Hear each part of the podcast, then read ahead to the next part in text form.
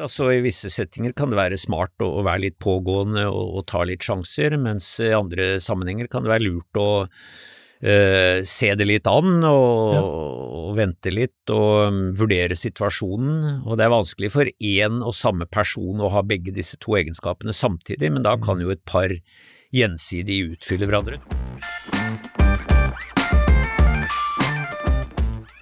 Jeg opplever at ordet utfylling er et minst like viktig ord i kjønnsdynamikk som likestilling.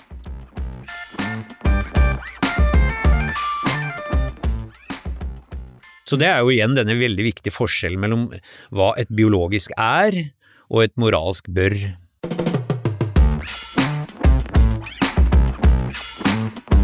Du hører Mannspodden jakten på mannsidentitet. Bli med Andreas Skjelde og Einar Helgaas på din vei mot autentisk maskulinitet.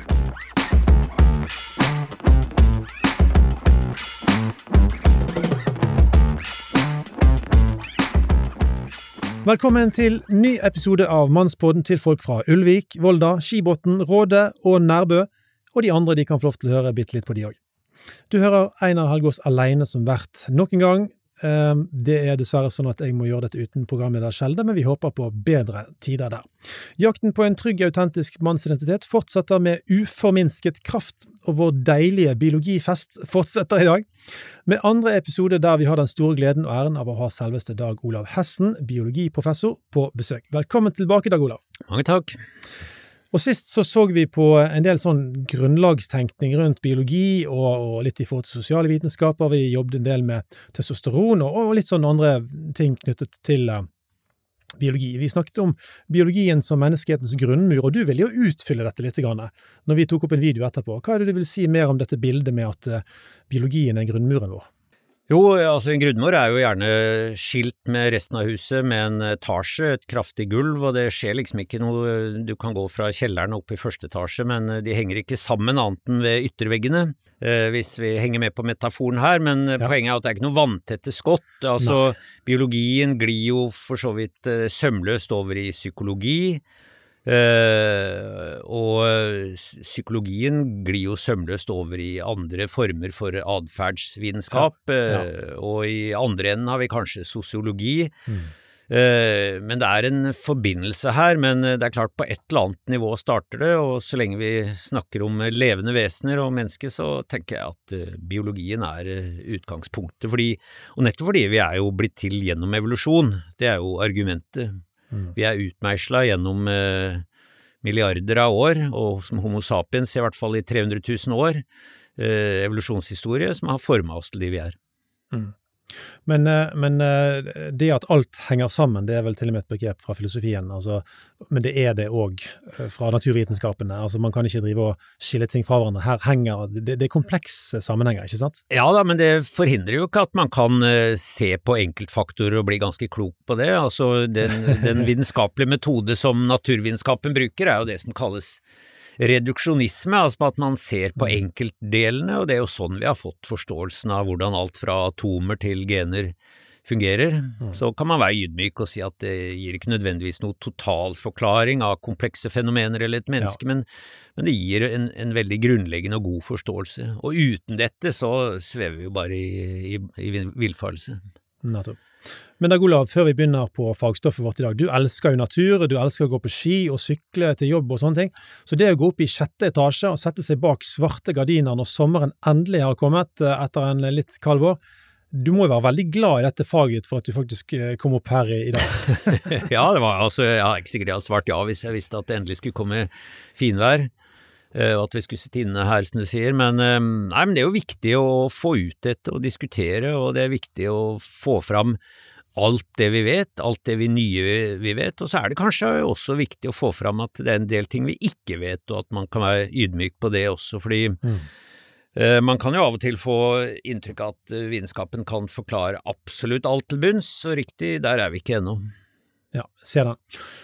Men klarer du kort å forklare din lidenskap for biologi? Um, ja, den begynte nok, uh, tror jeg, med en sånn allmenn nysgjerrighet, men jeg var som gutter flest som gikk og samla ting, og sånn typisk naturalist. putta ting på nåler og esker og samlet egg og Så det var liksom den, den Du begynte helt ned på det nivået? He, ja, som det man før kalte naturalist. Men så eh, er det en sånn iboende ønske om å forstå hvordan ting henger sammen. Hvorfor var det sånn, hvorfor var det slik, og det førte meg raskt over til uh, også en interesse for mennesket, at hvordan kan biologi brukes til å forklare ja. mennesket, eller forstå oss selv, hvorfor handler vi som vi gjør, hvorfor er vi sjalu, hvorfor er vi, hva er det som gjør oss glad og trist? Veldig mye av dette har jo veldig logiske og rasjonelle begrunnelser, og så førte det meg også over til en, uh, som jeg sa, altså en filosofisk interesse, uten at jeg på noen som helst måte uh, er noen profesjonell filosof, selvfølgelig, men hvis du skal forstå mennesket, eller er opptatt av evolusjonsbiologi, så må du, litt sånn som Darwin også gjorde, spørre deg hva betyr dette for mennesket? Ja, vi er jo en meaning-making machine, så uten mening så, så, hjelper det ikke om du har en eh, Du har kommet til verden og, skal liksom du, du, må finne en vei i denne verden. Ja, det er jo kanskje det mest interessante med mennesker. Vi er jo utrolig like en, en sjimpanse hvis vi ser på genene våre og for den saks skyld hormonene våre. og og veldig mye av bygningstrekkene også, mens eh, det spesielle er vel kanskje dette at vi spør etter mening, mm. vi lurer på hva er der eh, i framtiden, hva vil den bringe? Mm. Ikke bare for meg, men for etterkommerne, og vi er opptatt av fortiden, og vi kan være sentimentale og lengte tilbake til noe som var, altså egenskaper som vi, så langt vi vet, da, ikke dyr har. Og sjimpanser bygger ikke skyskrapere? Eh, det gjør de heller ikke, eller eh, lager symfonier, eller, eh, men generelt har vi undervurdert andre organismer, eller i hvert fall høyere, høyere arter, som de har et følelsesregister som er veldig likt vårt, og det er ikke så rart, fordi hjernen er til forveksling lik, selv om den er mindre og, litt av ganske mange færre nevroner, da, så, mm. så, har den mye av de samme lyster og laster og hormonspeil og mm. Skjønner. Men du, før vi, vi, vi, går videre nå, så jeg vet jo at ditt uh, hovedfokus, hvis jeg har forstått det riktig, er miljøutfordringer om dagen. Og nå skal jeg være litt streng med deg, du får ikke lov til å snakke så mye. Men hvis jeg får lov til å gi deg utfordringen om å si essensen av ditt engasjement i forhold til miljø, hva er det du sier? Er det liksom jorda holder på å gå under og den må reddes, er det det du sier? Nei, jorda går ikke under, den vil klare seg, og det tror jeg menneskeheten vil gjøre også, men det er jo rett og slett, ja, det koker ned til å skape mening for meg også, hvis ikke jeg trodde at menneskeheten ville bestå om ikke bare 100 år, men 1000 år eller 10 000 år, så vet jeg ikke om jeg orka å stå opp om morgenen, så for meg koker det ned til et spørsmål om mening, men, eh, men, selvfølgelig er det det viktigste spørsmålet i vår tid, ikke bare for mennesket, men eh, alle andre arter. Ja, og ordet håp må jo ha noe å si her. Ja, absolutt. Og... For, for med, med, å jobbe teknisk med ting, så, så er det ikke sikkert at det kommer ut et håp på andre siden. Det må vel skapes på, på en litt annen måte? Ja, både og. Altså, håp for meg eh, springer jo ut av eh, at eh, vitenskapen kan fortelle at planeten har overlevd dramatiske episoder tidligere, så livet vil hanke seg inn igjen, riktignok med, med store kostnader, og vi vet at at menneskeheten vil klare seg. Men det er klart, uten håp er vi jo fortapt. Mm. Det, det vil jeg si. Det, det. Men sjimpansen klarer seg sikkert litt til uten Ja, altså sjimpansen lever jo fra dag til dag, må vi tro. Det er så, ja. litt som hunden, ikke sant. Ja. At uh, de har en kort tidshorisont. Og sånn har jo vi levd også, jeg tror det er litt der problemet ligger. Ja. I hele vår forhistorie så har det på en måte vært viktig bare å overleve til neste dag. Og hva som skjer om eh, et år, eller i hvert fall ti år, er totalt irrelevant. Og litt der er vi fortsatt. Hvis man spør mennesker generelt hva, hva tenker du på med framtiden, så det, er det gjerne en tidshorisont på 15, eller i beste fall 30 år. Mm. Så vi er fortsatt litt sånn sjimpanser sånn at vi, vi lever i nuet. Eh, jeg har et landsted i Nordfjord. Der skal jeg, jeg har fått noen voldsomme planer om å plante diverse trær i liksom symbolske formasjoner. Og da tenker jeg så langt fram som til mine barns barnebarn. Ja, det er liksom så langt vi kan uh, Lenger det, det er jo flott, helt, da. Det er jo flott, det er jo eksepsjonelt. Da blir den eika deilig høy og ja. Ja, det er jo stort sett bare ved skogplanting at vi klarer å ha den type ting. Eller selvfølgelig herskere som vil bygge et stort monument, men da er det jo gjerne for at de skal huskes for ettertiden. Så dette ønsket om udødelighet, eh, eller i hvert fall å bli husket en god stund, det er jo også noe dypt uh, ved mennesket. Men det er jo igjen fordi vi, vi søker etter mening, og vi skjønner at vi har en, en avgrensa holdbarhet her på planeten. Veldig bra, Dag Olav. Dette er en fin intro. Nå skal vi tilbake igjen litt der vi slapp sist, og fortsette derifra. Der vi snakket litt om testosteron og østrogen og, og, og sånne stoffer som er de mest tydelige på å definere kjønnsidentitet. Eh, og jeg har lyst til å si at eh, jeg opplever at ordet utfylling er et minst like viktig ord i kjønnsdynamikk som likestilling. La meg forklare. Vi har altså kommet lengre på likestilling enn utfylling, er min påstand. Og da må det være ok at menn skifter olje og vinterdekk på bilen, mens flere kvinner, i snitt iallfall, trives bedre i relasjonelt arbeid. Hva vil du tenke om det? Jo, altså jeg har ikke noe problem med det. det er jo, vi er jo, lever jo i et samfunn hvor vi i prinsippet alle kan velge det yrket de vil, mm. selvfølgelig i den grad du kommer inn på studier og sånt, ja. men det er ikke noe som forhindrer, det er ikke sånn som på 1800-tallet at kvinner ikke hadde adgang til medisinstudiet. Altså når min far studerte til, til, veterinær, så var det ingen kvinner på veterinærstudiet. Nå er det nesten ingen menn. det, kalles det å gå fra grøft til grøft, eller? Det gjør det, og det, det er nok litt tilfeldig, men det, det, illustrerer vel kanskje også en kjønnsforskjell, at kvinner er eh, flinkere på skolen, det må vi bare erkjenne. Ikke i alle fag? Ikke i alle fag, men eh, ja vel. Snart alle fag. Men eh, det er altså, hva er å være flink? Det er nok også fordi at kanskje skolevesenet med mye stillesitting og øh, vektlegging på teoretiske ferdigheter passer bedre for kvinner, det, mm. det, er i hvert fall naturlig å tenke seg. Men faktum er jo at kvinner er, gjør det bedre på skolen, og da danker de også ut mennene i prestisjefylte studier. Mm.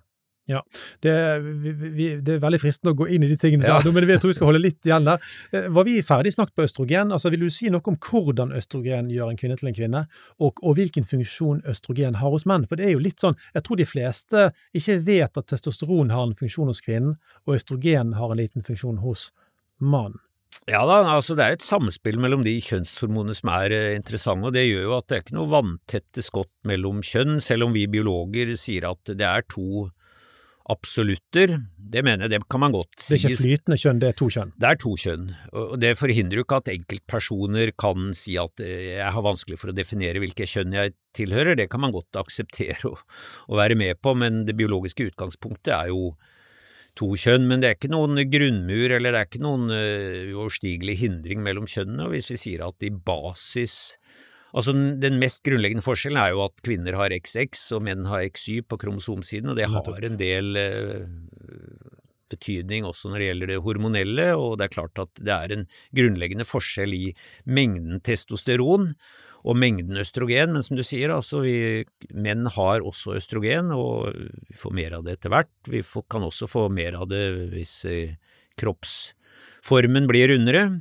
Ja. Og kvinner har også mer testosteron, men dette er også variabelt fra individ til individ. Ja, riktig. Men vi er altså nå i et hormonelt eh, landskap her, eh, nærmest. Men du sier at en må altså føle noe før en kan iverksette vilje. Ja, kan du jeg, bare rense litt opp i den igjen? Hva var ja, du la i det? Jeg vil slå et slag for uh, hormonene som, uh, og følelsene som egentlig mer uh, rasjonelle. Vi, vi, tenker ofte at følelser er det mest irrasjonelle vi har. Hvis du er liksom i følelsenes vold, så bruker du ikke hodet ditt. Og det er klart, du, du kan bikke over, for all del, mm. men i utgangspunktet som nevnt, så er jo egentlig hormoner evolvert som rasjonelle kompass, eller la oss si kompass da, for mm. biologisk rasjonell atferd. Det er så vi skal gjøre det riktig. Vi føler noe fordi hormonene trigger eh, Altså følelser er jo hormoner. Hormonelle signaler kobla til reseptorer i hjernen, og som trigger en viss type atferd. Det kan være begjær, det kan være angst, det kan være frykt, det kan være glede, det kan være sorg. Ja. Men alt dette er jo motiverende for handlinger, Nettopp. og i bunnen av disse handlingene så ligger jo egentlig eh, at vi skal være godt tilpasset og kunne formere oss. Det er jo på en måte det biologiske imperativet, det mm. biologiske budet. Absolutt. Selv om det er mer i menneskelivet enn akkurat det, da. Det er heldigvis det, men altså, apropos begjær. Jeg var på Bryggen i Bergen i går og skulle kjøpe is. Og begjæret var så sterkt uh, at jeg kastet meg over tre kuler med is. Ja. Det var egentlig litt mye, men jeg er forferdelig glad i is, så det er vanskelig å holde viljen tilbake når denne isfølelsen kommer. ja, og det er et godt eksempel, ikke sant. Altså søt og fet og salt mat, det er jo, og, og særlig kombinasjoner, det er jo derfor du har ja, Du må ikke snakke om det engang. Nei, det, det trigger et sånt Ja, kan godt kalle det begjær, altså. Og veldig vanskelig å stå imot. Det, også, det var rasjonelt. Det er jo i grunnen et godt, uh, godt bilde på å vise hvordan det biologiske rasjonelle ikke alltid er rasjonelt i det samfunnet vi lever i i dag. Mm. Uh, vi uh, lever jo i dag i en overflod av tilgang på søtt og fett og salt mat, og, og vi har fortsatt det samme begjæret etter det, men konsekvensene av dette begjæret er jo ikke så smarte.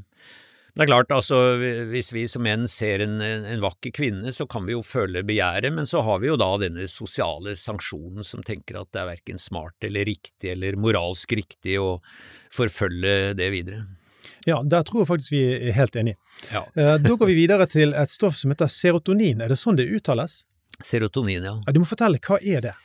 Ja, igjen er det sånn at serotonin er jo ikke sånn at eh, det er eh, hormonet for for serotonin gjør veldig mye rart, og det kan gjøre mye rart hos eh, andre organismer som har, hvor det har litt andre funksjoner enn hos mennesket. Så det er Serotonin griper inn i en hel rekke prosesser, men kanskje den viktigste og interessante er jo at eh, hvis man skal si det litt tabloid, så er jo serotonin velværehormonet. Mm. Det er litt som dopamin, på en måte et belønningshormon, mm. men ikke så akutt som dopamin, som jo er en slags dop, og som kan i og for seg skape en, mm. en avhengighet. Men det er, det er, et belønningshormon på at nå har jeg lykkes, nå har jeg det godt.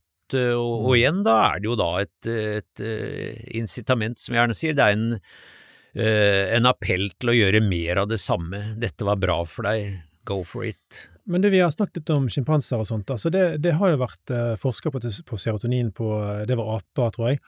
Og, og, de som, apene som hadde mest serotonin, de tok minst sjanser når de hoppet fra liane til liane. Mm. De som hadde mindre av det, tok mer sjanser, hadde mer sjanse for å havne i, midt i gapet på en, på en Ikke gorilla, jeg mente selvfølgelig Hva er de det der Krokodille heter det. Ja.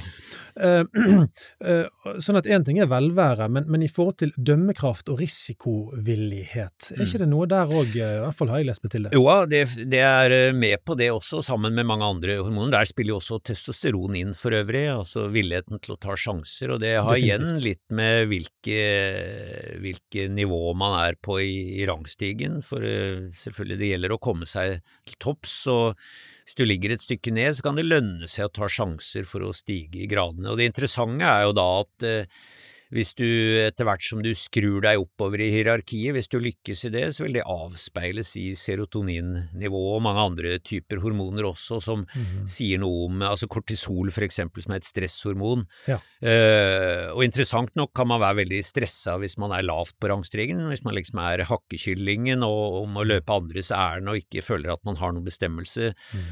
så kan man bli stressa av det. Uh, og er man helt på topp, i en sjefsposisjon som man kanskje føler seg litt ubekvem med og masse ansvar, så kan det også styrke stresshormonet. Men i hvert fall, altså alle disse hormonene kan Det er ikke sånn at du er født med et visst nivå av det, og det på en måte bestemmer eh, om du blir sjef eller ikke. Det er ikke noen predestinasjon her? Nei, jeg har lest sånne latterlige bøker som at genene bestemmer om du blir sjef eller ikke. Oh, ja. Og eh, ikke sant, noen eh, steder kan jo sjefsegenskapene fortrinnsvis være at du er litt bøllete og lite autoritær. Mm. I andre sjefssammenhenger kan det lønne seg å være lyttende og der er det for øvrig også kulturelle forskjeller. Altså en, mm. Hvis du er en lyttende og inkluderende sjef, I Norge er det bra, og jeg mener jo virkelig, virkelig, det er bra å være den type sjef, mens hvis du kommer til land med en mer autoritær kultur, så kan det tolkes som svakhet. Men i hvert fall da tilbake til hormonene våre, så er det sånn at eh, hvilke stadier du er på i hierarkiet og i livet ditt, og om du føler at du er på solsiden eller skyggesiden, kan stimulere produksjonen eh, av, av, disse hormonene også, og også påvirke reseptorkjemien som gjør om du får mer av den følelsen eller mindre. Så dette er dynamiske ting. Ja, Det syns jeg var forståelig. Men da spør jeg, finnes det forskjeller på serotonin hos menn og kvinner? Ja, det gjør det. Og igjen er det statistiske forskjeller, altså det kan være enorm forskjell blant menn, og det kan være enorm forskjell blant kvinner. Men det, det er eh, forskjeller som sannsynligvis også gjenspeiler hva man er fornøyd med å ha oppnådd, hvilke mm. gjerninger eller hvilke situasjoner i livet er det som stimulerer øh, velværefølelsen. Men det jeg har lest meg til, er at kvinner generelt har mer serotonin mm. enn en menn. Og det var jo en, et par som var i en, en, en parterapisamtale, eh, og, og, og, og, der ble det sagt at uh, I am the brake and he is the gas. Mannen var den som trykte på gassen, og hun var den som bremsa. ikke sant? Mm. Og, og, det vil jo òg kunne samspille med en sånn uh, altså serotoninnivå, selv om det er selvfølgelig ikke alt testosteron spiller inn, og det, som du òg sier, alt henger sammen. Mm. Men, men, hvis kvinnen generelt har da mer av dette litt beroligende mm. stoffet, mm. som gjør at du, du roer ting ned, mens menn kan lettere gå i gå litt på. Mm. Så eh, hva tenker du om det? Jo, altså det er jo igjen denne gjensidigheten som er veldig fint. Altså I visse settinger kan det være smart å, å være litt pågående og, og, ta litt sjanser, mens i andre sammenhenger kan det være lurt å uh, se det litt an og, ja. og, vente litt og um, vurdere situasjonen. Og det er vanskelig for én og samme person å ha begge disse to egenskapene samtidig, men da kan mm. jo et par gjensidig utfyller hverandre. Jeg tror veldig mange par føler at de har nettopp denne gjensidigheten. Nettopp. Og da er jo poenget at man kan respektere da, den gjensidigheten, at man har litt forskjellige funksjoner i et, i et parforhold. Ja, der, eh, ja, det var veldig gode ord. Jeg er så enig med deg at det, det er ja, veldig, veldig bra sagt. Men det er eksempel eh, statistikk på aksjemeglere viser at uh, menn tar mer risiko enn kvinner som mm. aksjemegler, uh, og, og, og, mange forskjellige sånne ting. Eh, og det sa jeg ikke fordi det var kritikk av noen, det er igjen bare deskriptivt at disse stoffene de har noe å si, da. Jo, jo, absolutt. Absolutt. Så på samme måte som du på individuelt nivå, det, det ser man jo masse studier av mus for eksempel som viser at noen mus, de, eh, hvis du åpner døra til buret, så er det noen som blir sittende inne i hjørnet og aldri våger seg ut, og andre de spretter ut med en gang og er ute og utforsker, selvfølgelig med en potensiell risiko, men ja, også ja. med en potensiell gevinst. Så det er interessant at du har den der normalfordelingen eh, innad, og, og dette kan kobles klart til eh, genetiske markører, men som du sier så er det en forskjell også på kvinner og menn der, og det er jo ikke uten grunn at eh, det er flest unge menn som dør i ulykker, og flest unge menn som skal hoppe fra timeteren eller kappkjøre eller eh, hva det er. Gjerne dødse. Dødse, men det er klart det gir status. Dette er sånn som gir status eh, internt i gutteflokken. Jeg tror det er nok den viktigste faktoren, kanskje mer enn å imponere damene, men det er et element av begge deler. Ja, Dag Furuholmen sa jo det her i forrige episode han var med i, at gutter er ofte mer opptatt av å få anerkjennelse hos hverandre enn hos kvinner. Mens ja, ja. vi har nok lett for å tenke at det er primært hos kvinner, og nå skal de vise seg for kvinner, men så er det egentlig for å, for å hevde seg og bli akseptert av gutter, faktisk. Helt klart, ja. og, men det samme hos kvinner, ikke sant. Jeg tror det at eh, altså slanke Eh, overdreven slankehysteri hos kvinner som bikker over i spisevegring og radmagerhet. Det er ikke fordi at menn syns det er kult med ekstremt radmagre kvinner. Jeg tror dette er først og fremst en slags uh, ja, forårsaket av status uh, i, i, kvinnemiljøer. Absolutt. Jeg skal ikke forvente et amen hos deg, men former er bra, sant? Former på kvinner er bra. Ja, ja, absolutt. Da var vi enige om det. Men vi går videre til eh, det limbiske system i hjernen, og amygdala, som er den mm. emosjonelle PC-en som driver og regulerer oss der. Eh, hvordan er den hos menn og kvinner, og, og liksom samme greien som vi er inne på? Jo, den eh, er også forskjellig, det er jo, men altså, strukturelt er det jo det samme systemet. Dette er jo, som du sier, en sånn et gammelt, gammelt senter, eller et ringformet senter i, i hjernen med amygdala, denne mandelformede kjertelen på bunnen, så funksjonen er det jo samme hos kvinner og menn, men så er det nyanser i, eh, i, hvordan dette manifesteres hos kvinner og menn, og amygdala er jo også en sånn kjertel som har veldig mange funksjoner. Altså, jeg, jeg møtte Jørgen Doritzen på eh, Nationaltheatrets T-banestasjon, og jeg kunne ikke la være å høre med han. Eh, jeg hadde noen få minutter, og det eneste jeg spurte han om, eh, det var om han kunne forklare amygdala hos kvinner og menn, og han mente at når den er jo større hos menn, mm så mente han at grunnen kunne være at menn har generelt større hjerner. Kan det være det, eller er det andre ting du eh, vet om det? Eh, nei, det tror jeg ikke, at det er en sånn skalering der. Eh, har ikke jeg sett noen men, men, selvfølgelig, det er jo mulig at det er det man kaller allometri, at kroppsproporsjoner er avhengig av hverandre, også, eh, også inni hjernen. Skjønner. Men amygdala har jo en funksjon, fight or flight response og disse mm. tingene. Altså, En eh, eh, ting er det som er likt for menn og kvinner, men er, men er, det noen forskjeller der som kan hjelpe oss til å forstå hvem vi er som menn og kvinner? Ja, altså det er jo litt av det som vi akkurat snakket om, at menn har eh, Vel, vi har selvfølgelig også en, en slåss- eller flykt tendens, og av og til flykter vi, og, bra er jo det, vi, når vi skjønner at uh, overmakten er for stor og at uh, her er det lite å vinne ved å slåss. Men uh, terskelen for det er nok antagelig høyere hos menn. Altså risikovilligheten igjen da, for å bli igjen og slåss er nok høyere. Så dette henger igjen sammen med, med denne atferdsmessige forskjellen mellom kvinner og menn, hvis vi ser stort ja. på det, da. Ja, for det, Du skrev til meg i en e-post når vi har forberedt oss til denne samtalen om dette med at uh, det er så veldig mange flere menn i fengsel, og sånn mm. er det i Norge òg. Mm. Uh, prosenten med kvinner kan være helt ned på 5 tror jeg. Mm. Og da snakker vi altså om 90-95 menn. Uh, og, og, og, og, vi skjønner alle at det er mye moral og etikk knyttet til at man kommer i fengsel, men så er det igjen tilbake til denne grunnmuren vår. da. Altså testosteron, Eh, serotonin, eh, og nå eh, snakker vi her om Hvor er det blitt av nå? Vi snakket om Vent litt, hva var det siste vi snakket om nå? Ja, amygdala, amygdala. og yes. flykt eller ikke flykt. Ja, ja altså, amygdala. Altså, dette er jo Går det ikke an å, å se på forklaringsmodeller her? Jo, altså menn, vi kan godt si at menn gjør mer dumme ting. I dagens samfunn er det klart det er ikke smart å, å kappkjøre eller dødse eller hva som helst. Men uh, i forhistorien vår så har det selvfølgelig vært viktig dels for å få status uh, i flokken, men også fordi at uh, på den måten kunne man oppdage nye ressurser. Det å søke ut, Riktig. altså de i flokken som søkte ut på jakt etter nye Resur, ressurser, Ny nytt vilt, ja, nye, nye, arealer å bo i osv., tok selvfølgelig en enorm sjanse.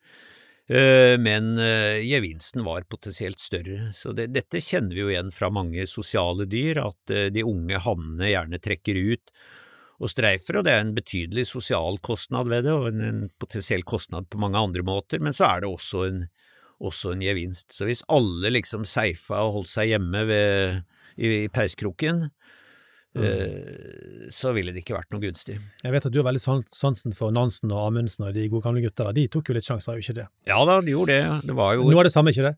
Ja, det er vanskelig å si. Altså, Nansen er jo interessant, for han spekulerer jo veldig mye. Amundsen var jo en grunnere type, da, så han har i hvert fall ikke noen store diskusjoner i dagboka si om hva det er som driver han. men men Nansen har jo det. Men, men, alle er veldig opptatt av at de gjør ikke dette av egeninteresse, de gjør det for vitenskapen.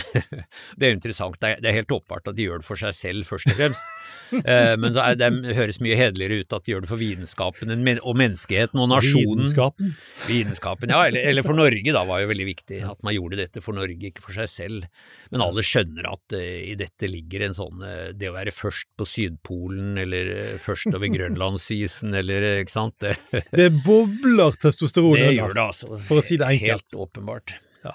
Du, vi, vi, har ikke så mange stoffer igjen, vi kan jo ikke gå gjennom hele boka i dag, men, men oksytocin, var det riktig sagt? Ja.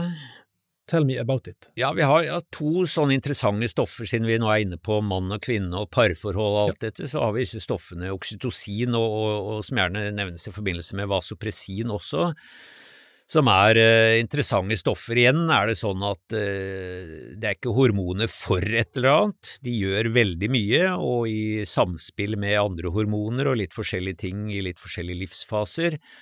Uh, men de har mye av den samme funksjonen da i kvinner og menn, men det er jo interessant fordi det er det er også sånn, særlig vasopressin, da, som er det man ofte kaller parbindingshormonet, når forelskelsens rus, ikke sant, dette kan beskrive litt sånn sjablongmessig med at det er en kaskade av ulike hormoner som avløser hverandre, starter med begjæret, og så har man den intense rusen og forelskelsen med dopamin og øh, ja, testosteron og østrogen spiller jo også inn der. Mm. Og så kommer da disse mer eh, langsomme, kan vi si, hormonene som er til for å holde parforholdet sammen osv. Så, videre. så det kunne blitt en sang, det. Langsomme hormoner som binder oss sammen. Der, noen må se på dette, men ja, fortsett. Ja, der har vi en uh, utfordring til, til uh, visesangerne som ikke bare skal synge på om uh, kaffekoppen på trappa i Helt riktig. Snakk gjerne om Som det er altfor mye av da, etter mitt skjønn. Ja, men, tro, men trofast,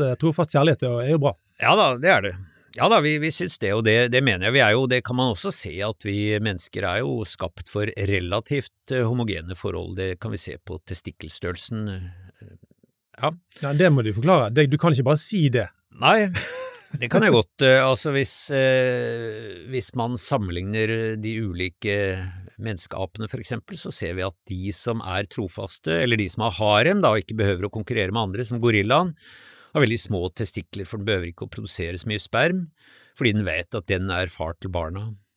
Mens i den andre enden av skalaen så har vi jo den arten som antagelig er vår aller nærmeste slektning, dvergsjimpansen, som har eh, sex på kryss og tvers, som har veldig store testikler, tekstiler, holdt jeg på å si, som, eh, hvor konkurransen er flytta ned til spermienivå, altså hunden kan kopulere med flere hanner, og da vil det selvfølgelig lønne seg å produsere masse spermier. Så mennesket ligger nærmere gorillaen, men ikke helt på gorillanivå. Så men det var nå en, eh, en, liten uh, tur bort fra vasopressin, som, er, uh, som det er gjort mange interessante studier på, som er et hormon som binder oss sammen som par og som også er et hormon som stimulerer til gjensidighet mellom foreldre og barn, ja. og også kan gjensidig stimulere hund og eier, for eksempel.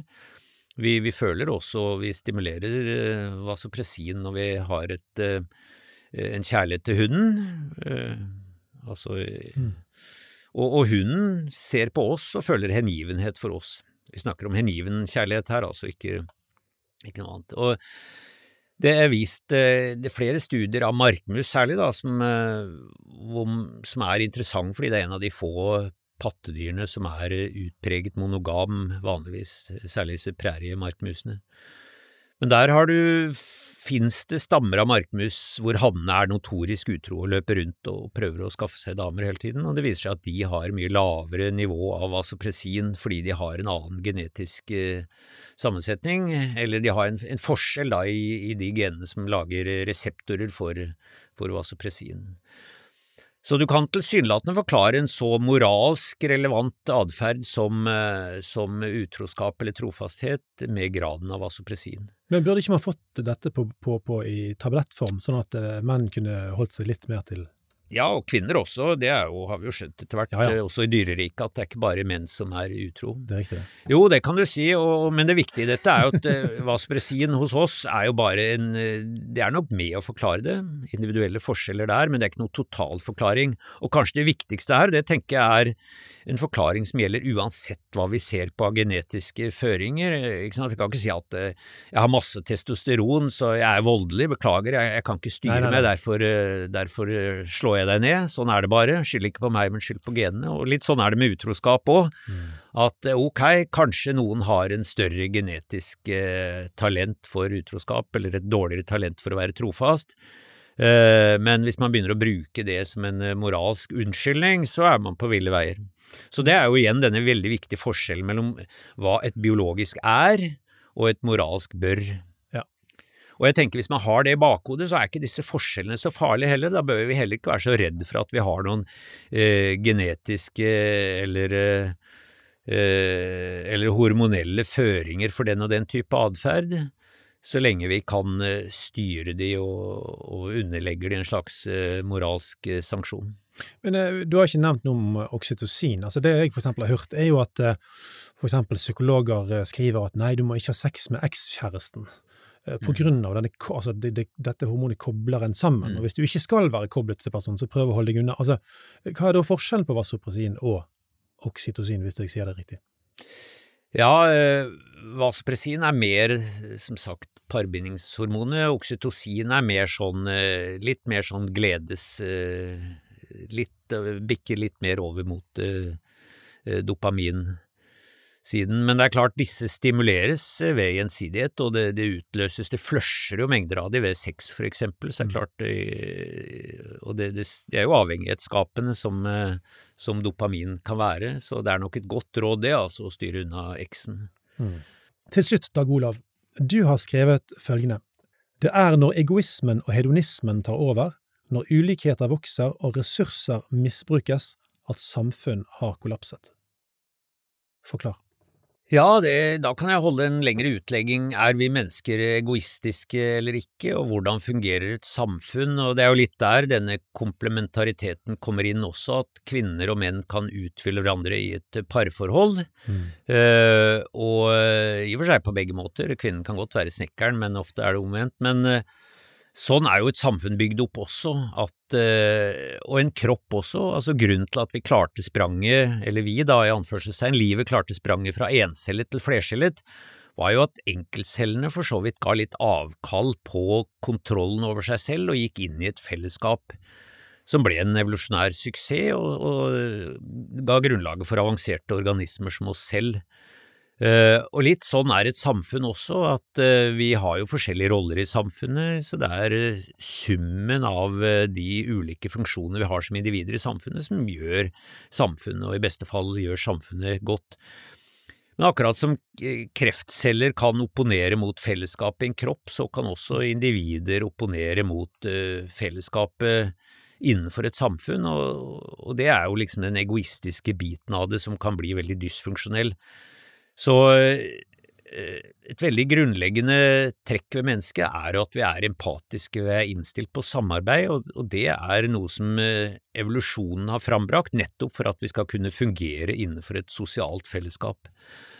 Uh, og det er en balanse mellom eh, egoistiske hensyn. Det er klart vi er egoistiske også, det er helt åpenbart. Det krever ikke noe lang forklaring å overbevise oss om det, men, men vi er også sosialt innstilt og empatiske og eh, del av et fellesskap som er helt avgjørende for oss, og mister vi det fellesskapet, så føler vi oss ofte fortapt. Og det er jo derfor, da, hvis eh, egoismen tar overhånd, og vi er oss selv nok, og vi dyrker det individuelle og hedonismen i den forstand at vi mhm. bare er opptatt av vårt eget forbruk, så blir, opplever vi det som kalles allmenningens tragedie. Da er alle bare opptatt av sitt og tenker at det er de andre får ta, får ta seg sammen, og de andre må legge begrensninger på seg selv, og de andre må stille opp for fellesskap, og de andre får betale skatt, osv., men jeg har alltid mine gode grunner til å fortsette som før. Og denne blandingen av, eh, av uhemma egoisme og uhemma forbruk, nå høres jeg veldig moralistisk ut når jeg sier det, men, men det er dypt alvorlig, den er jo e-, egentlig en av de større utfordringene vi står overfor, fordi det kan underminere samfunnet. Det er jeg helt enig i, men jeg syns det var litt interessant at du, at du sanksjonerte deg sjøl nesten for å snakke om, eh, om å være moralist. Men, men, eh, vi har jo ikke verken lyst til å ødelegge jorden eller relasjonene våre. Eh, og det å si noen formannende ord om det må jo være bra. Ja, altså man må ikke blande moral og moralisme, det tror jeg ofte vi gjør. Altså Man kan si at det er, moralsk, det er et moralsk faktum at det er uh, uheldig å ødelegge både et parforhold eller et samfunn, underminere et samfunn eller forurense for mye. Å påpeke det er altså ikke moralisme, så det er en veldig uheldig sammenblanding der at når man påpeker at noe er moralsk riktigere og bedre å gjøre enn andre, andre ting, så er det moralisme. Da, Dag Olav, dette har vært veldig spennende. Jeg hadde et langt manus, jeg var redd vi ikke skulle komme gjennom på to episoder, men det gjør vi faktisk, så vi har kanskje vært litt flinke her. Yes, folkens, der er vi gjennom to nydelige episoder med Dag Olav Hessen på besøk i Mannspodden. Helt, helt strålende. Dere kan bare fortsette å gi oss stjerner og kommentarer på Apple Podcaster, så flere kan bli med på reisen mot autentisk mannsidentitet og vi er veldig glad for alle meldingene vi får, både de som roser oss og de som bidrar med konstruktiv kritikk. Og vi liker veldig godt de som kommer med tips til innhold. Fortsett med det. Vi digger kontakt med våre lyttere. Og her er en respons fra selveste Kristine H123, som sier spennende temaer, gode diskusjoner, spørsmål og reflekterte svar. Wow, denne diskusjonen trengs i dagens samfunn. Tusen takk, Kristine. Vi lover å følge opp, og vi har jo altfor lange lister med aktuelle temaer, men vi skal ha det gøy så lenge det varer. Og da avslutter vi med å si ha det bra på usbekisk. Kseir salomat boling! Mens du venter på neste episode, del gjerne Mannsbåten med fem andre menn, så de kan koble seg på jakten på mannsidentitet i en kjønnsnøytral tid. Hvis du ønsker å lære enda mer om denne tematikken, følg Mannsbåten på sosiale medier. Vi snakkes.